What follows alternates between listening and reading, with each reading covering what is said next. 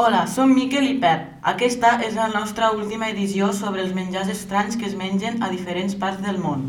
Comencem amb el primer menjar. El primer plat del dia és l'ou centenar a la Xina. Necessitaràs un estómac a prova de bomba per resistir aquesta delicatessen. Els ous centenaris són negres per dins i se solen conservar durant mesos en una barreja d'argila, cendres i calç. Desprenen una forta olor d'amoníac i sofre, així que si et ve de gust una conserva una mica forta, aquesta és la teva. El segon menjar és el llangardaix sec a Hong Kong. Són cruixents, crocants, però no tenen gaire sabor. Els llangardaixos secs són un snack de carrer molt popular i es fan servir sovint a les sopes.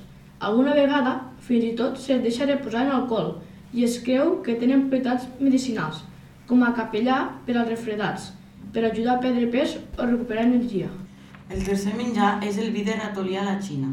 Si vols veure alguna cosa per baixar tots aquests plats tan exòtics, res millor que una ampolla de vi on s'ha ofegat i fermentat durant un any una família de ratolins. Expliquen que no fa gaire olor i que té un prou gust dolent.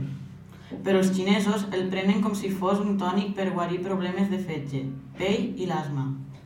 El quart menjar són les potes de gallina a la Xina. T'ho advertim, això és una mica fastigós. Hi ha una dita que explica que els xinesos es mengen qualsevol cosa amb potes excepte les taules. Molt cruixent les potes de gallina són un snack tan popular a la Xina com les pipes a Espanya. Vaiguis on vaiguis, sempre podràs trobar un paquet d'aquestes mossegades frigides. Si no et ve de gust tastar la versió menjar ràpid, també pots tastar-les bullides en una sopa, a la barbacoa o marinades durant hores. Sona bé? Moltes gràcies per el vostre suport i fins aquí el nostre podcast. Adeus!